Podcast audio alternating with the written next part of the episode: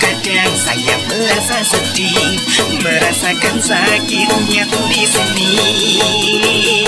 Sakitnya tuh di sini.